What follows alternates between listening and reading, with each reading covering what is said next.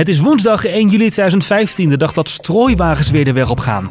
Luistert naar aflevering 18 van de TechSnacks podcast. Mijn naam is Raymond Mens, tegenover mij zit Maagd Voorkom en in 40 minuten bespreken wij vier tech-onderwerpen. Welkom bij TechSnacks.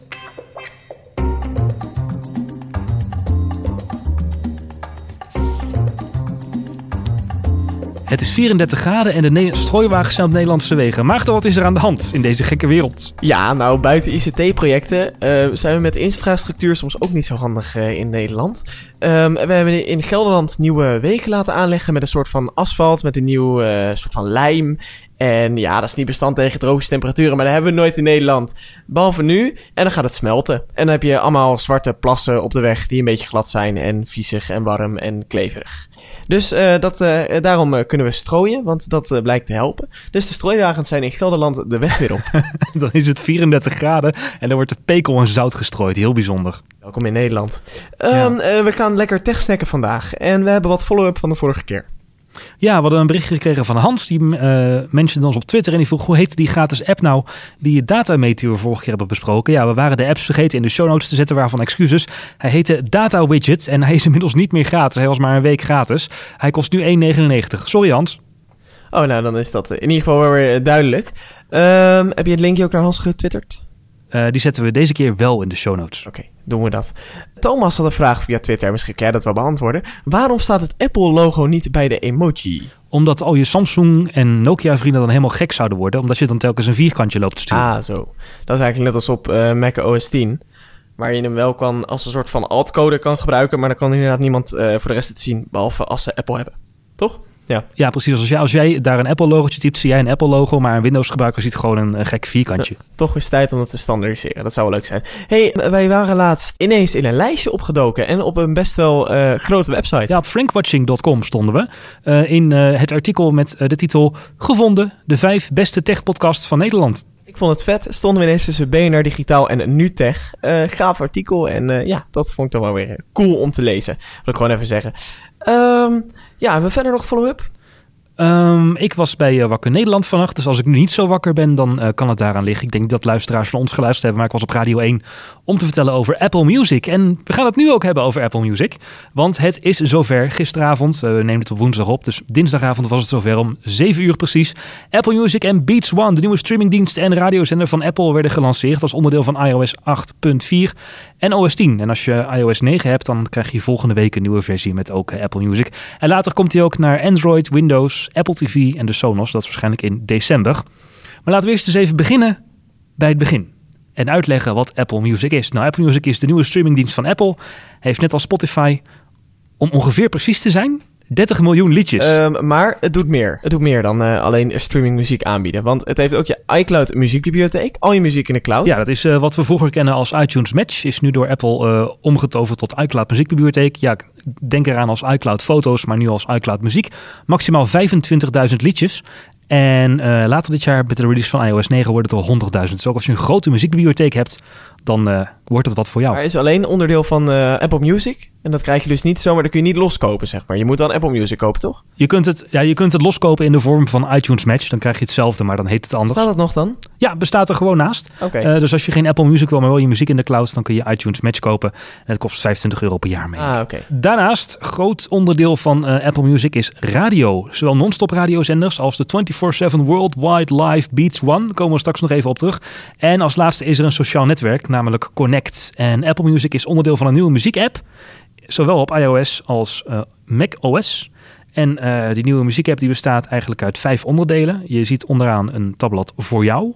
Daarin staat wat Apple Music heeft uitgevogeld. Wat voor jou eh, leuke muziek, afspeellijsten en albums zijn. Tabblad nieuw, waar al nieuwe muziek staat. En aanbevelingen van redacteuren. Radio, zitten al die radiozenders in.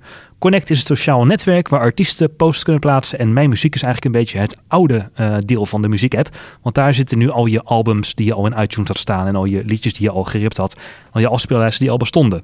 Eh, nou, die nieuwe muziek wat vinden we ervan? Nou, je, je schetst het nu heel erg overzichtelijk. Maar je doet het beter klinken dan dat ik het vind. Want ik vind die hele muziek uh, een inconsistente chaos. Laat ik het maar even met, met grote woorden duidelijk maken. Ik vind het ingewikkeld. Ik raak een beetje verdwaald in de muziek En dan ben ik echt niet heel erg, heel erg technisch, zeg maar.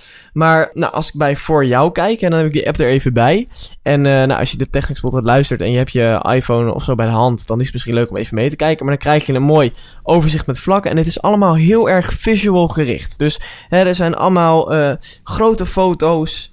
Ja, grote foto's, hoesjes, artiesten. Ja, allemaal, uh, daar is het op gericht. En um, nou, dan zie ik dus een overzicht met, met voor mij. Dat is dan op basis van wat ik heb aangegeven. Nou, ik hou van uh, akoestische muziek en jazzmuziek en singer-songwriter en, en alternatieve muziek. En um, dan ga ik bij, dus dat ziet er dan uit als een soort van uitgelichte afbeeldingen allemaal. Vervolgens kijk ik dan bij nieuw. Dan krijg ik eerst weer een grote uitgelichte afbeelding en dan drie albums. En dan eh, ja, populaire tracks. En daar kan ik dan weer op tikken. Terwijl dat, dat, dat minuutje, of die, die titel staat dan weer links in het scherm. Terwijl als ik naar mijn muziek ga, dan staat de titel van uh, wat ik zie, namelijk artiesten, staat ineens in het midden. En dat is dan ook een knop. En als ik daar dan op druk, dan krijg ik geen opties. Maar dan komt er een soort van uitklapmenu van onderen. Uh, met enorm veel opties. Artiesten, albums, nummers. Het, dat is weer een andere manier van bedienen. Dus in die hele app zitten wel, uh, hoe heet het? Ik denk wel, wel vier of vijf verschillende soorten knoppen. Op, op verschillende manieren verwerkt in een soort van tekst. En het is allemaal inconsistent. Ja, qua bediening is de app niet heel erg universeel. En ze hebben het allemaal geprobeerd een beetje heel mooi vorm te geven. En de vormgeving een beetje aan laten sluiten op wat je aan het doen bent. En dat is niet altijd even goed uitgepakt, vind ik ook. In het begin dacht ik ook even van, ho, jeetje, jongens, waar moet ik beginnen? Ja, nou dat idee, en dat heb ik nog steeds. En daar heb ik best wel een middagje mee geklooid. En als ik bijvoorbeeld een, een album start, bijvoorbeeld van uh, Maaike het nieuwe album... Um, dan uh, zie ik dat, dat, gaat dat spelen en dan kan ik die mini-player omhoog gooien. En dan, nou, dan zie ik dat album. Die album moest heel mooi overgaan, helemaal tot aan het einde van de rand van mijn scherm. En dan kan ik daar KPN zien en um, mijn batterijpercentage. Ga ik naar een ander album, bijvoorbeeld van Akda en de Munnik, alle singles, dat album, en ik zet daar even een liedje van op, dan verschijnt opnieuw die hoes, maar dan is het helemaal wit, want die hoes is wit. En dan uh, kan ik helemaal niks meer lezen wat in die toolbar staat. Dus ook daar is niet goed over nagedacht. Het idee is leuk, maar de uitvoering is niet helemaal top. En dat heb ik eigenlijk bij de hele app en heel Apple Music wel een beetje. Want ook de, de, hoe, het, hoe het samenwerkt met iTunes op mijn Macs, nog bijna niet. Daar ziet het er weer heel anders uit. Dus ja, ik ben er niet van overtuigd. Zeker niet. Ja, het, het, het, heeft op iTunes op de Mac wel dezelfde namen, maar bij mij synchroniseert het niet. Als ik een afspeellijst toevoeg eh, in Apple Music of we maken hem op mijn iPhone, dan laat hij hem nog niet zien op mijn Mac. Dus dat vind ik heel gek, want dat zou uh, wel moeten synchroniseren. En voorheen deed het ook met iTunes Match. Maar nu dus blijkbaar nog niet. Ik weet niet precies hoe dat komt. Misschien ligt het aan mij, misschien niet. Maar um, ik ben niet zo, uh, zo negatief als jij. Ik heb namelijk ook even wat inhoudelijk met de app gespeeld. En um, hè, voordat je de app opstart, moet je eerst vertellen van uh, waar hou je van. Nou, ik heb gezegd, ik hou van pop, van dance, van R&B, van soul en een beetje singer-songwriter en uh, favoriete artiesten aangegeven. En hij gaat ook daarna kijken welke muziek je hebt gekocht en daar dingen op afstemmen. En bij mij was het best wel tricky. Want ik had namelijk ook ooit een nummer, uh, weet ik veel, voor een kennis van Corrie Konings en de New Kids gekocht. dus ik dacht, oei, als ik maar niet dat soort muziek nu allemaal doorgemixt krijg. Maar nee, ik krijg uh, onder voor jou krijg ik echt keurig, uh, keurig dingen die bij mijn muzieksmaak passen. Dus ik heb er nu de topnummers van Rihanna staan, een kennismaking met David Guetta, een hele hoop albums van onder andere Maroon 5 en Alicia Keys. Dat gaat eigenlijk best wel goed. Maar wat ik het interessantst vind aan Apple Music is het tabblad nieuw. Ah, ik moet zeggen, om daar heel even op, op in te haken, dan kom ik zo bij dat, kom ik zo terug bij dat nieuw. Maar dat voor jou, uh, inderdaad, ben ik met je eens dat op basis van wat ik heb ingegeven, dat hij wel leuke suggesties geeft. Maar het is de bediening die mij vervolgens weer houdt om het dan ook echt uh, goed te gaan luisteren. Ja, oké. Okay. Nou, wat ik uh, ook leuk, aan, leuk vond aan het voor jou is dat het soort van context gebaseerd is. Want toen ik vanochtend opstond en ik opende hem, kreeg ik een suggestie voor een hardloopochtend. Oh, okay. En een ochtendrondje. En uh, het was vandaag warm, dus stond er ook iets van een tropische playlist stond bovenaan. Dus dat was wel, uh, het was wel grappig om, om te merken. En verder staan er heel veel albums in. Ben je zo'n album, albumsmens? Dus um, wat ik leuker vind in Apple Music is te gaan naar nieuw. Dat is dan, uh, waar we het al eerder over hebben gehad, de gecureerde content van Apple Music. Die vind je allemaal in het tabblad nieuw. Dat is door muziekredacteuren van Apple samengesteld. Nou, daar staan onder andere toplijstjes, topcharts, wat nu populair is. Maar als je even doorscrollt, dan krijg je drie opties. Apple Music redacteuren, activiteiten en curators. Oh, dat staat er ook ineens tussen. Ja. Weer, weer een ander soort knop. En als je nou op Apple Music redacteurs klikt, dan kun je opnieuw een genre kiezen. Kies ik bijvoorbeeld even voor dance. En dan krijg ik hele leuke en ook soms hele bijzondere playlists. Maar je kunt ook even voor algemeen kiezen. Een aantal playlists die daartussen staan. Ze zijn echt niet alleen afgestemd op het moment van de dag, maar ook op, op, andere zaken. Uh, vandaag stond bovenaan Heatwave Season. Met liedjes als Summer in the City, Summertime, Too Hot en Holiday. Maar wat ook naar boven kwam, is wel leuk onnatuurlijke samenwerkingen. Dus artiesten die normaal niet met elkaar samenwerken, die dan ineens gaan samenwerken. Daar stonden ook hele leuke liedjes in. uh, en um, ja, de vertaling van die muzieklijsten is nog niet allemaal even goed. Deze is bijvoorbeeld Dance Hits om op te gaan. Sommige mensen geven een feestje, maar jij geeft vanavond een feest. En dus is het noodzakelijk dat er, dat er alleen maar vette muziek door je speakers knalt. We hebben de beste dance tracks voor je in de aanbieding. Van Psy en David Guetta tot Swedish House Mafia en Avicii. Let's get the party started. Ja, maar ook, ook nummers voor na het eten, vol energie je bed uit, ingrediënten voor een sexy date. Vond ik ook wel grappig. Maar dat soort dingen, dat, die ontdek je daar allemaal. En um, bijvoorbeeld ook dingen als Madonna's vroege jaren, uh, reggae-nummers van Rihanna. En dat, daar merk je echt wel dat het, dat het mensen zijn die het samenstellen. Ja, maar dit heb ik dus, dit heb ik dus nog niet gevonden. Dit had ik dus, dit, nu dat jij dat zegt, dan denk ik van, oh, dat is nog wel interessant, dat is wel leuk. Het zit heel diep. Maar dan moet ik dus inderdaad gewoon even kijken hoor. Eén blokje, twee blokje, drie blokje, vier blokje, vijf blokje, zes blokjes voor doorscrollen. Voordat ik um, uiteindelijk dan dat minuutje krijg en dan zie ik daar inderdaad Apple, Apple Music redacteur staan. Dan tik ik daarop en dan kom ik inderdaad weer bij een ander soort knoppenmenu. Dan moet ik weer een genre selecteren. En dan kom ik bij een overzicht. En dan kan ik... Dat zijn die afspeellijsten, ja. Die afspeellijsten kiezen. Dus dan staat hier bij, uh, bij Dutch Pop. En dan uh, kan ik inderdaad uh, de, de, hoe heet het, bank hangen.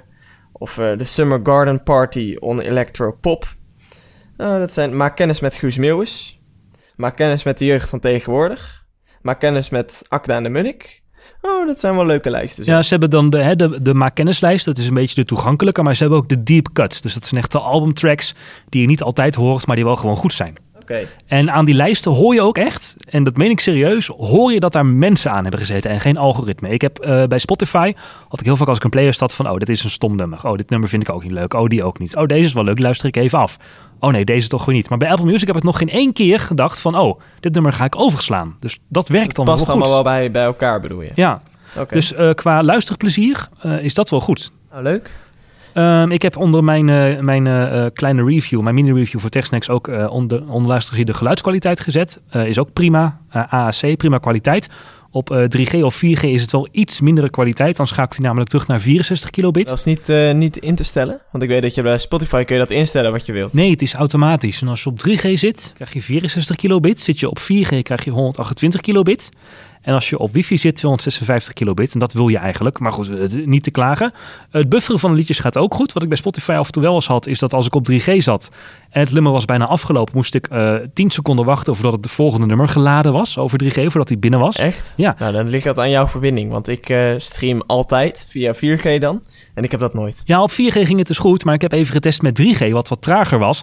En wat Apple Music doet, is het volgende liedje alvast bufferen als het andere bijna afgelopen is het is niet heel erg, uh, uh, hoe heet het? Goed voor je dataverbruik. Niet heel erg zuinig. Nee, um, gebruiksgemak gaat waarschijnlijk bovenal als in dit geval bij Apple. Ben ik ook wel blij mee hoor, want ik heb een databundel die groot genoeg is. Zou dat nou ook met het ontwerpen van de ja. app hadden gedaan? Die, hey, die afspeellijsten waar ik zei, die zijn soms wel een beetje kort. Oh. 20 liedjes, 14 liedjes, soms 9 liedjes. Oh, ja. hmm, had op zich wel iets langer gemogen. Meer CD, uh, CD's dan, dan afspeellijsten bijna. Ja, en uh, nou ja, het is niet heel erg, maar op zich denk ik dan van, nou, had er dan, had er dan 30 van gemaakt, dan kan ik tijdens mijn hele rondje uh, joggen, kan ik uh, blijven luisteren. Wat, ik, wat blijkbaar geen één streamingdienst heeft en wat ik wel van Apple had verwacht, was dat de overgangen beter zouden zijn. Hè? Er zit nu vaak een pauze van twee seconden tussen de liedjes. Terwijl ik denk, je kunt makkelijk instellen dat een liedje strak gaat spelen achter het volgende liedje. Zoals ook op de radio het geval is. Ik heb het even achter elkaar gezet. Zo doet Apple Music het nu.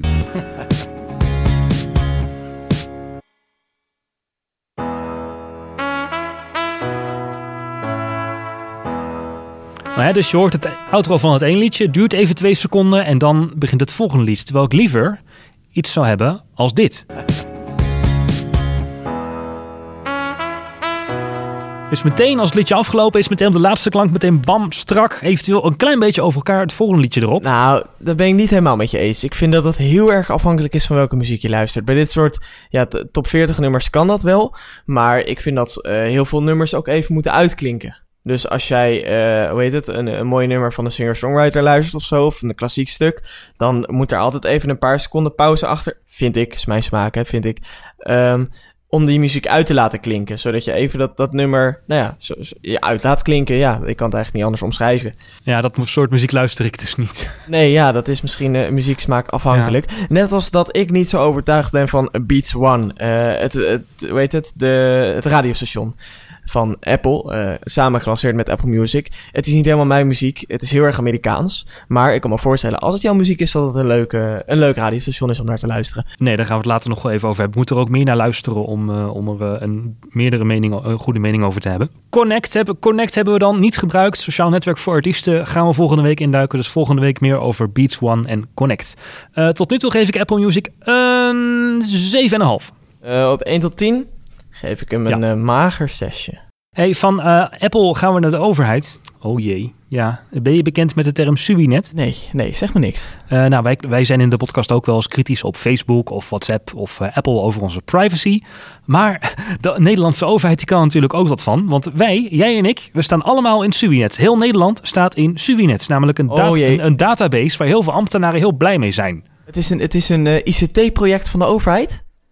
Oké, okay, dan moeten we toch even weer, ja. Om heel eerlijk te zijn heb ik zelfs even moeten googlen waar dat ICT nu eigenlijk voor staat. Maar het is dus een, een systeem voor ambtenaren en we staan er allemaal in. Ja, het is een systeem voor ambtenaren. Ambtenaren zijn heel blij mee, want met een paar muisklikken kunnen ze eigenlijk gewoon zien wat je hypotheek is, wat je studieschuld is, wat je loon is, wat je werkgever is, wat je huisadres is, wat je bankrekeningnummer is en meer van dat soort dingen. Welke auto je rijdt, hoeveel die waard is, welke kentekens je bezit. Heet dat ook weer de gemeentelijke burgeradministratie? Nou, het is dus uh, de BG, BGA, Burgerlijke Gemeenteadministratie, of GBA. Oh ja. Um, ja. Het is daar dus een uitbreiding op met ook financiële gegevens. En die wordt vooral gebruikt voor als je bijvoorbeeld een uitkering of bijstand moet aanvragen. Je niet je hele hebben en houden over de schutting te kieperen, maar kan zo'n ambtenaar gewoon je uh, burgerservice nummer intypen en zeggen van, oh ja, u verdient, hebt inderdaad geen werkgever en u heeft geen WW en u heeft geen eigen huis, dus u krijgt bijstand, bijvoorbeeld. Of een, uh, of een WW-uitkering. Super, zou je denken, zo'n systeem. Maar de beveiliging deugt al 13 jaar, zolang staat, bestaat het systeem, deugt al 13 jaar niet. Oef. Verrassend. Uh, er is een recent onderzoek geweest en daarin bleek dat slechts 17% van de gemeenten de beveiliging van Suinet op orde hebben. Dus 83% niet. Foei. Niet de juiste protocollen, uh, niet alleen de juiste personen, uh, gegevens die rond blijven slingeren, open en bloot computers blijven staan, et cetera. Uh, uh, ja. Ellende, ellende, um, ellende. Daar had de VPRO samen met RTL Nieuws heeft er onderzoek naar gedaan. En uh, wat blijkt, alles wordt bijgehouden wat in dat Subinet gebeurt. Dus als iemand bijvoorbeeld de gegevens van jou of mij opvraagt, dan, weet de, dan kan de beherende instantie opvragen van oh, deze gemeente heeft zoveel gegevens opgevraagd. En wat blijkt, er zijn vaker gegevens opgevraagd dan dat er bijstandsuitkeringen of, of, of uitkeringen zijn, WW-uitkeringen zijn verstrekt. Maar dat klopt niet. Nee, dus er zijn ook inkijkverzoeken gedaan. En die zijn dan vooral gedaan uh, bij bekende Nederlanders. Dat, dat een ambtenaar dacht van, goh, ik ben toch benieuwd wat Marco Borsato nou uh, voor huis heeft. Okay. En die heeft dat even uh, in zitten, in zitten en daar typen. zit, daar zit geen dubbele controle op of zo. Ik weet namelijk dat in uh, een van de grootste ziekenhuizen van Nederland, hè, daar worden ook wel, nou ja, bekende Nederlanders worden daar wel opgenomen. Hè. Die hebben, zijn ook wel eens ziek, dus die moeten ook wel eens... Uh, dus ook hele privacygevoelige informatie. En uh, shownieuws en de privé willen dat maar wat graag hebben. Maar ik weet dat als jij daar... Die, die, staan in het elektronisch patiëntendossier, staat daar een vinkje bij. En dat ze VIP zijn. En als jij daarin gaat als zijnde medewerker, dan wordt er gelogd. Maar dan gaan er automatisch mailtjes naar um, de hoe heet het, de toezichthouder van de afdeling of het hoofd van de afdeling. En van ja, deze en deze persoon heeft op die en die tijd daar en daar ingelogd bij deze en deze persoon. En uh, terwijl die daar geen, uh, geen directe autorisatie of zo voor heeft. Of, uh, nou, dat soort dat dingen okay? zouden, dus, zouden dus kunnen staan in zo'n protocol voor gemeentes. Maar ja, dat heeft maar 17% op orde. Ah, zo, ja. Nu, nu is dat gegevens opvragen van bekende Nederlanders misschien grappig, een beetje spannend, een beetje leuk. Maar wat blijkt, als je een ambtenaar kent, en uh, RTL Nieuws beschikt over documenten waar het blijkt dat dat ook uh, meermaals zou zijn gebeurd, kun je als eigenaar van een incassobureau gewoon even tegen een ambtenaar zeggen, hey, ik zoek die en die meneer. En uh, daar heb ik nog een vordering bij te in. Doe maar even zijn gegevens. Of zijn werkgever. Of uh, hoeveel die verdient. Ja, nou wordt het al minder grappig. Er zijn dus ook serieus commerciële incassobureaus die toegang tot het systeem hebben. Omdat ze samen met de Belastingdienst een pilot doen. Waarbij de, dat incassobureau de Belastingdienst gaat helpen bij het innen van schulden. Uh, dus er zijn dus ook commerciële incassobureaus die daar toegang tot hebben. En wat helemaal erg is, dat de eh, adressen van eh, vrouwen die in een blijf van mijn lijfhuis staan meermaals zijn opgevraagd. Oeh, dat is link. Ja, dat is, niet, dat is echt niet goed. Dus ook als zij geen uitkering hebben, ook als zij geen bijstandsuitkering hebben, eh, kunnen blijkbaar eh, ex-partners, jaloerse ex-partners, toch tegen een ambtenaar zeggen: hey, doe mij even het adres van, eh, van mijn, dat is erg. mijn partner. Ja. Ja. Ehm, dus dat is niet zo bijzonder goed op orde, heeft de VPRO samen met RTL Nieuws aangekaagd. En wij staan dus allemaal in het systeem. En natuurlijk, zoals een goed onderzoeksjournalist doet, is er ook verhaal gaan halen bij de staatssecretaris van Sociale Zaken, Jetta Kleinsma. Die heeft gereageerd en die zei op dit eh, ernstige, toch wel ernstige eh, gebeuren het volgende. Ja, dat kan dus niet. Ik bedoel, daar ben ik ook altijd heel helder over geweest. Eh, en de privacy van die burgers moet echt goed geborgd zijn. En zeker als je vrouw bent en naar een vrouwenopvang gaat. en juist eh, echt incognito ergens wilt zitten. Kan het natuurlijk niet zo zijn dat jouw, ehm, ja, jouw vriend of jouw echtgenoot jou kan eh, volgen. Want dat is eh, echt afschuwelijk. Dus dat, kan gewoon niet. En ik vind dat ik nu voldoende handreikingen heb gedaan in de afgelopen anderhalf jaar. eh, om gemeenten echt ook op verhaal te helpen. Maar het moet nu echt veel steviger worden beetgepakt. Want de tijd van uitgestoken handen is wat mij betreft over en weer nu wel voorbij. Duidelijke taal. De tijd van uitgestoken handen is voorbij. Dus de minister wilde er serieus werk van maken. Maar de Kamer, ja, de Kamer vond het niet genoeg. Want D66 wil, heeft voorgesteld om gemeentes helemaal van het systeem af te sluiten. als ze niet aan de veiligheidseisen voldoen. En de VVD die voelt meer voor een boete en voor naming en shaming. Oké. Nou ja, benieuwd hoe dit eh, verder gaat lopen. Ehm, kun je zelf opvragen of je gegevens gebruikt zijn? Ja, dat kan. Eh, ik heb het ook gevraagd. Je kunt je daar eh toe richten door het, bij het BKWI. Dat is een overheidsinstantie die is opgericht om dat systeem te beheren. En die houdt dus ook alles bij hoe vaak en eh, wanneer jouw gegevens zijn raadgepleegd. En wat voor doel daarbij is, eh, is ingevoerd. Dus een brief schrijven naar het BKWI. Ja, moet je je identiteitsbewijs bijvoegen. En belangrijk om daarbij te melden is als jij, als jij nooit een WW-uitkering of nooit een bijstandsuitkering hebt gehad, is er niet echt een reden waarom jouw gegevens zijn opgevraagd. Dus als die wel zijn opgevraagd, je hebt het niet, dan heeft er, een ambtenaar in jouw gegevens zitten koekeloeren. We zetten in de show notes hoe je dat opvraagt. Hey, we gaan snel door eh, naar de iPad Pro. Een verzoek vanuit eh, onze luisteraars om daar eens even onze meningen over te geven. Want nou, de iPad Pro, dat, dat zit nog steeds in het geruchtencircuit. Ja, het is alleen nog niet helemaal duidelijk wat het nou gaat worden. Ja, dat het een iPad wordt met 12 inch en meer rekenkracht. Nou, daar zijn we wel redelijk over uit. Maar we hebben natuurlijk ook de MacBook 12 inch. En laat ik die nou net vandaag binnen hebben gekregen. Eh, we nemen nu niet met jouw nieuwe MacBook op, hè? Nee, nee, ik eh, zit nog steeds achter mijn iMac. Gewoon omdat dat eh, achter mijn bureau met, met mijn microfoon handiger is. Maar ik heb hem wel hier voor me staan. En eigenlijk is dit voor mij de perfecte laptop om ja, al- alles te doen wat ik ermee wil. Want ik ga voor mijn opleiding neem ik dat ding veel mee. Ik zit veel in de trein. dus hij, is, hij moet goed draagbaar zijn. En ik ben vooral aan het tekst verwerken. En een powerpointje maken. En hier en daar een liedje luisteren en internetten en mailen. Dat is het. Meer doe ik niet. Ja, een beetje pixelmeter nog her en der. En ik heb een eh, 3D-atlas van ehm, eh, de menselijke anatomie, die ik wel regelmatig raadpleeg. Dus dat is fijn dat dat allemaal goed werkt. Ik heb eh, wel de 1.3 gigahertz eh, processor erin laten zetten. De snelle, snelle. De, de, ja, de maxed out eh, processor. Maar de vraag is, zou je dat op een 12-inch iPad Pro kunnen doen, wat je nu doet? Ja, nou, ik denk het wel. Alleen, wat ik zou doen, is een toetsenbord bij de iPad Pro kopen. Maar, dan moet ik erbij zeggen dat die iPad Pro dan ook wel een enorm krachtige processor moet hebben. En OS 10. Want anders dan, ja, heeft het voor mij niet de, de snelheid die ik wil hebben van een besturingssysteem die mijn laptop moet bieden. Ik vind een iPad vind ik leuk voor, vind ik handig voor erbij. Hè. In de trein even snel een korte aantekening maken. Kan tegenwoordig op je iPhone. Dus, hè, of op de bank, eh, ja... Ik weet niet. Ik vind het lastig om te bedenken waarvoor die iPad Pro nou handig is. Want ik, ja, ik vind het net te beperkt om alleen een, een touchscreen mee te nemen. Er zijn ook mensen, zat mensen die het doen hoor, die alleen op een, op een iPad werken. Dus nou, misschien dat voor die mensen handig is, maar ik vind dat te beperkt. En ik vind iOS echt eh, te beperkt, want ik moet gewoon een volledig functionerende browser hebben met alles erop en eraan. En eh, ja, gewoon OS 10. Gewoon echt een computer. Ik denk niet dat het dat gaat worden, want ze hebben niet voor niets eh, iOS 9 nu ontzettend veel multitasking gegeven en nieuw toetsenbord en dat soort dingen. Dus ik denk dat het ding nog steeds wel op iOS 9 gaat draaien. Maar de, het probleem is dan, ja, het is een gewoon een grotere iPad, maar voor wie wordt hij dan? En wat wordt dan zijn positie in de line-up? Wordt het een MacBook voor degenen die geen MacBook nodig hebben? Of wordt het een iPad voor iedereen die iets meer wil van zijn iPad? Ik denk dat eh, de prijs dat ook heel erg gaat dicteren. Van waar die ingeschoten wordt. Hij zal wel hoger ingeschoten worden, denk ik. Ik denk dat je zo voor die iPad Pro wel 800 euro kan gaan betalen. Ja, en dan met 64 gigabyte opslag of zo. Uh, de, de iPad Air 2 kost nu 499 euro. Ja, nee, dan heb je die, de iPad Pro instapper heb je dan voor, uh, uh, hoe heet het, voor 800. En dan, ja, voor wie is die dan? Ik denk voor de tablet power user. En misschien is dat een, een groep die we nog niet kennen. Die vinden we nu bij deze uit. Dat zijn mensen die enorm veel gebruik maken van een iPad. En dan specifiek een iPad. Dus die, ja, misschien wat meer in de, hoe heet het? In de kunstzinnige sector zitten. Met heel veel portfolio's wat ze moeten laten zien.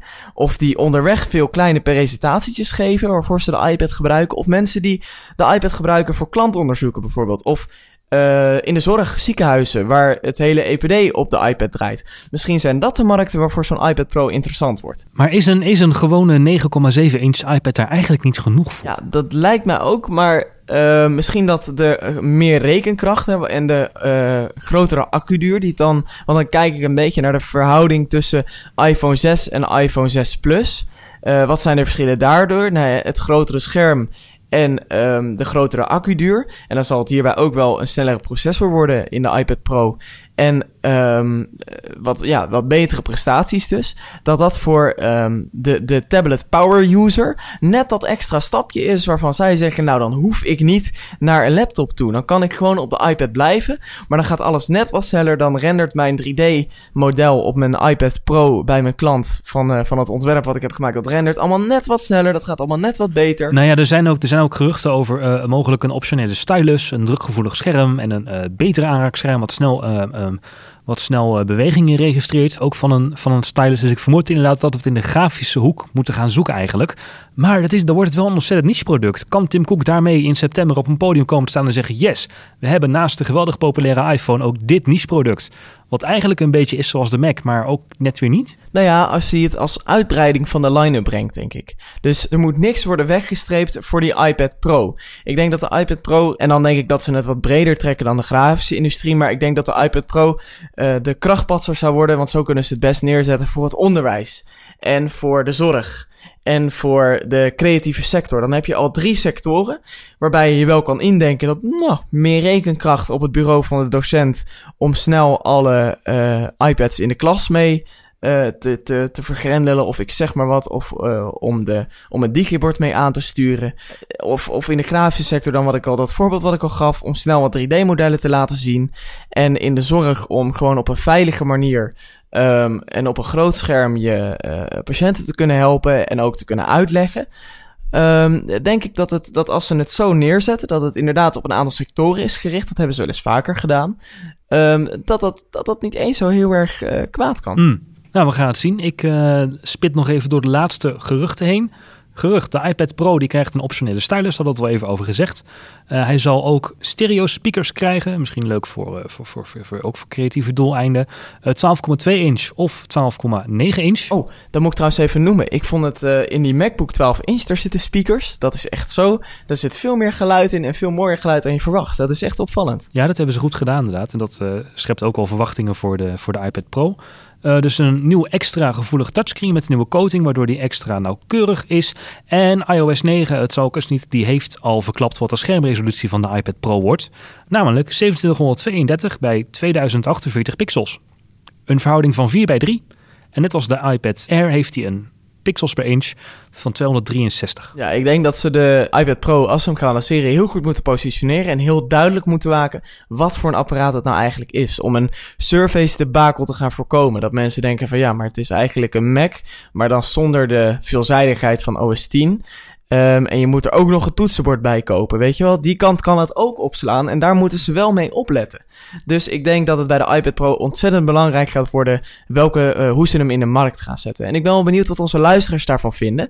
Dus uh, hoor je dit nu en uh, heb je daar een mening over? Laat die weten aan ons. Stuur hem in naar reactie.techsnacks.nl of via de website techsnacks.nl slash submit. Je kan het ook op Twitter sturen naar uh, techsnacks underscore nl. En ja, zelfs nog via Facebook, facebook.com slash techsnacks. Hey, één gewetensvraagje. Je bent natuurlijk nu Mr. USB-C met je MacBook. Mr. Verloopje. En uh, heeft, die, heeft die iPad een Lightning poort of een USB-C poort, die iPad Pro? De iPad Pro krijgt een USB-C poort. En hm? um, ja, ja, en hoor je dit? Dat Ja. is het geluid van een eh, USB naar eh, USB-C verloopje op een microfoon. Ehm, ja, je moet het toch een beetje eh, leuk maken voor de audio. Ehm, ja, ik heb dat verloopje inderdaad erbij. Maar ik heb voordat ik mijn MacBook ging aanschaffen, heel erg nagedacht van, ehm, ja, moet ik dat nou wat doen met zo'n USB-C-poort? En toen eh, las ik ergens op internet, joh, zet nou eens even op een, eh, op een, op een eh, notitie neer welke apparaten jij nou aansluit aan jouw Mac. Hè? Dus welke aansluitingen heb jij nodig? En toen heb ik een enorme lijst gemaakt met mijn oplader en mijn iPhone-kabel om mijn iPhone op te laden. Nou heb ik voor mijn iPhone sinds kort een, eh, mooie powerbank, dus daar heb ik een los accuutje voor bij me. En eh, dan ja, blijft eigenlijk de oplader over die ik aansluit aan mijn Mac. En nog wel eens eh, mijn, mijn koptelefoon, mijn oortjes. Maar ehm, ja, daar zit nog steeds gewoon een 3,5 mm jack. Dus ik heb dat verloopje erbij. Maar ehm, ja, of ik hem veel zou gebruiken, ik denk het Gewoon of, om, om je zeker te voelen. Om er zeker van te zijn, als het kan, dan, dan, dan moet het nog een keer. Kan ik hem in ieder geval aansluiten. Hey, er is eh, niet alleen in Den Haag het nodige gebeurd, maar ook in de Europese zone is de afgelopen tijd behoorlijk wat aan de hand geweest. Daar gaat onze volgende techsnack over, namelijk over roaming en netneutraliteit. Ja, maandagnacht heeft het Europees Parlement, de Europese Commissie en eh, de lidstaten zijn het eh, daar eens geworden over Europese netneutraliteit. Netneutraliteit wil zeggen dat al het verkeer over internet gelijk moet worden. Dus als jij bijvoorbeeld streamt, dan mag jouw provider niet zeggen van nou ik knijp eh, even Netflix, want dat ja, gebruikt gewoon heel veel data en dat vinden we niet zo chill, want dat kost ons heel veel geld. En eh, ja, WhatsApp mag dan wel. Dus eh in die, dat moet gewoon gelijk behandeld worden. Je moet evenveel ruimte krijgen voor Netflix als voor WhatsApp. En dan is het niet zo dat je voor WhatsApp heel klein beetje nodig hebt, dat je datzelfde kleine beetje krijgt. Nee, het moet genoeg zijn. Het moet gelijkwaardig zijn. Ook prijsdiscriminatie is in Nederland, eh, mag dat niet. Of dat wil zeggen, dat valt ook onder die absolute netneutraliteit. En die prijsdiscriminatie betekent dat eh, mensen bijvoorbeeld met Apple-producten, dat is een eh, voorbeeld wat echt, eh, echt zich heeft voorgedaan de afgelopen jaren. Eh, Apple-producten zijn dure producten, premium producten, dus die zijn duurder. En eh, door middel van cookies kun je als website zien op welk eh, computer een gebruiker jouw website bezoekt. En vliegtickets werden dus duurder aangeboden aan Apple-gebruikers dan dat je hetzelfde vliegticket zou boeken via een eh, goedkope Windows-laptop. Eh, dus dat is zeg maar die eh, discriminatie, die prijsdiscriminatie. En ehm, nou, in die Europese netneutraliteit, dat is eigenlijk een afgezwakte versie van de Nederlandse absolute netneutraliteit. En daar is Nederland niet zo blij mee. Want minister Kamp, die heeft zich daarover uitgesproken. En ehm, die gaat tegenstemmen tegen dit voorstel. Niet dat het heel veel zoden aan de dijk zal zetten, want verwacht wordt dat het voorstel er wel doorheen komt en dat de Europese netneutraliteit een feit wordt. Maar die is vooral over dus eh, die prijsdiscriminatie niet te spreken, want er komt geen verbod op prijsdiscriminatie vanuit de Europese netneutraliteit. En dat betekent dus dat daar onderscheid in gemaakt mag worden. Daarbij worden, eh, is er ook niet helemaal absolute netneutraliteit, want gespecialiseerde diensten mogen voorgetrokken worden. Dus er worden de voorbeelden genoemd internettelevisie en tools voor de gezondheidszorg. Ja, die krijgen dan een soort van gegarandeerde bandbreedte of, of een bepaalde snelwegstrook. Ja, maar ja, dat is niet het idee van netneutraliteit. Wat ik net al zei over Netflix en WhatsApp. Ja, ze hebben daar wel, ze hebben natuurlijk wel bij gezegd, ehm, bij het voorstel ook, dat er in principe genoeg over moet blijven voor andere diensten. Dus ze mogen niet helemaal afgeknepen worden, eh, maar er mag alleen voorrang worden verleend. Maar dat moet ook, de rest moet wel door blijven Ja, maar dat is natuurlijk een ruim begrip, hè. Daar kun je, daar kun je alle kanten Ja. mee op. Ja. Ehm, en nee, de- die gespecialiseerde diensten, die worden dan wel aangewezen. Dus daar is wel een procedure voor. In Nederland zal dat dan de autoriteit van Consument en Markt eh, worden, die dat gaat doen. Eh, maar ja, ingewikkeld, ingewikkeld. In Nederland zal het niet heel veel... ehm, tenminste, dat weet ik niet zeker. Ik wil het nu wel hard zeggen dat het in Nederland niet heel veel ehm, gevolgen zal hebben. Maar ik weet niet in hoeverre de Europese wetgeving de Nederlandse wetgeving overruled. Weet jij dat? Ja, dat, dat, doet hij dus. Nederland Ja. moet zijn netneutraliteit gaan, eh, gaan aanpassen, naar beneden gaan bijstellen. Een beetje gaan afzwakken, omdat Europa dat wil. Maar ehm, jij bekijkt het dus vanuit hè, de kant van providers kunnen eh, diensten voorrang geven en anderen een beetje afknijpen. Maar je kunt het ook zien dat KPN kan jou gratis Spotify echt gratis maken, zonder de data te tellen. Want hij mag, KPN mag nu onderscheid maken tussen gewoon verkeer en verkeer van Spotify. Dat kunnen ze zien. Ja, dat deden ze dus stiekem al, hè? Hai deed dat al. Daar zijn ze nu mee gestopt, maar dat deden ze al. Ja, daarom. Maar ze kunnen dus bepaalde diensten als Vodafone jou bijvoorbeeld gratis Netflix wil geven en je niet eh, wil laten tellen voor je databundel, dan kan dat nu dus wel. Ja, maar ik denk dat de. ehm, dus dat zijn leuke dingen dan. Maar ik denk dat de negatieve eh, uitwerking toch wel veel meer eh, duidelijk zal worden dan. Hoe heet het? Ik denk dat de, de, de financiële belangen veel groter zijn om eh, bijvoorbeeld internettelevisie voorrang te geven. Dat dat wel invloed heeft op de, ja, op de rest van je internetsnelheid. Ja, ongetwijfeld. Maar we hebben dit niet voor niets opgegeven. We hebben het namelijk opgegeven voor de roamingkosten. Ja, vanaf 2016 worden de maximale roamingkosten vastgelegd. Die worden dan eh 5 eurocent per minuut en per MB en 2 eurocent per sms. En vanaf 2017 dan eh, moeten die roamingkosten, die extra kosten voor gebruik van je telefoon in het buitenland, eh, in andere EU-landen, moet die helemaal verdwijnen. Dus dat betekent dat je uit je, gewoon in Europa, overal in Europa, uit jouw eigen databundel data kan gebruiken. En je geen aparte, geen, apart, geen aparte bundel meer moet af te sluiten, maar telt gewoon, waar je ook bent in Europa, telt gewoon als jouw normale databundel. Stop. Dat weet ik dus niet zeker. Want er worden geen extra roamingkosten meer gerekend. Dus er worden geen roamingkosten meer gerekend. Dat zijn extra kosten voor het gebruik van een, een netwerk van iemand anders. Maar dat wil niet zeggen dat jij ook uit jouw bundel gaat gebruiken. Nou, volgens mij wel. Want je kan nog steeds buiten je bundel gaan gebruiken. Alleen betaal je geen roamingkosten meer. Dus er wordt geen extra toeslag gerekend. Maar het idee van die roamingkosten is dus dat jij nog steeds je eigen minuut en je data gebruikt, maar omdat het via een ander netwerk loopt, ga jij daar extra voor betalen, bijvoorbeeld een euro per MB. Maar dat verkeer wordt volgens mij nog steeds uit jouw bundel gehaald. Ook al betaal je daar extra voor met roamingkosten. Nee, je betaalt, je betaalt je kosten in het buitenland altijd buiten je bundel. Hmm. Dus dat, ik denk dat we iets te snel eh, juichen door te zeggen van alle kosten verdwijnen. Volgens mij ga je nog steeds buiten je bundel betalen, maar niet extra. Geen extra roamingkosten. Ik weet het niet. Wat, is daar dan, wat zou daar dan extra aan zijn? Die toeslag roamingkosten eh, eh, is een duurder tarief wat je betaalt in het buitenland voor het gebruik van een mobiele netwerk. Maar als ik dus in het buitenland een mobiel gebruik, nu als ik in het buitenland een eh, mobiel netwerk wil gebruiken, waar zou ik dan voor betalen? Nou, gewoon voor, ehm, hoe heet het, je, je belminuten. Alleen is het hetzelfde tarief als in Nederland. Alleen betaal je buiten je bundel omdat je in het buitenland bent. Maar er zijn geen extra kosten aan verbonden. Geen roamingkosten. Maar misschien heb ik het helemaal fout. En eh, luister je nu, dan hoor ik dat echt heel erg graag. Ja, als je nu denkt, jongens, jongens, jongens, jongens, jullie zitten er compleet naast. Ik ben beter geïnformeerd en ik weet wel hoe het zit. Deel je kennis dan met ons en met de andere luisteraars van de TechSnacks podcast. En laat het ons weten. Maarten, hoe kunnen mensen ons bereiken? Dat kun je sturen naar reactie.techsnacks.nl of ehm, via techsnacks.nl slash submit of gooi het even op Twitter, techsnacks.nl. eh dan eh, zien we dat graag tegemoet, komen we er snel op terug. Ja, we gaan natuurlijk zelf ook even uitzoeken hoe dat precies zit. Dat hoor je volgende week, want deze aflevering 18 van de TechSnacks podcast is nu officieel ten einde. Ik bedank Ben Sound voor de intro en de outro muziek, NoDots, websites en webhosting gericht op resultaat voor de bandbreedte www.nodots.nl. En jou bedank ik ook voor het luisteren. Eh, tot volgende week. Reageer kan via de bekende kanalen Twitter, Facebook en techsnacks.nl slash submit. Tot volgende week. Tot volgende week.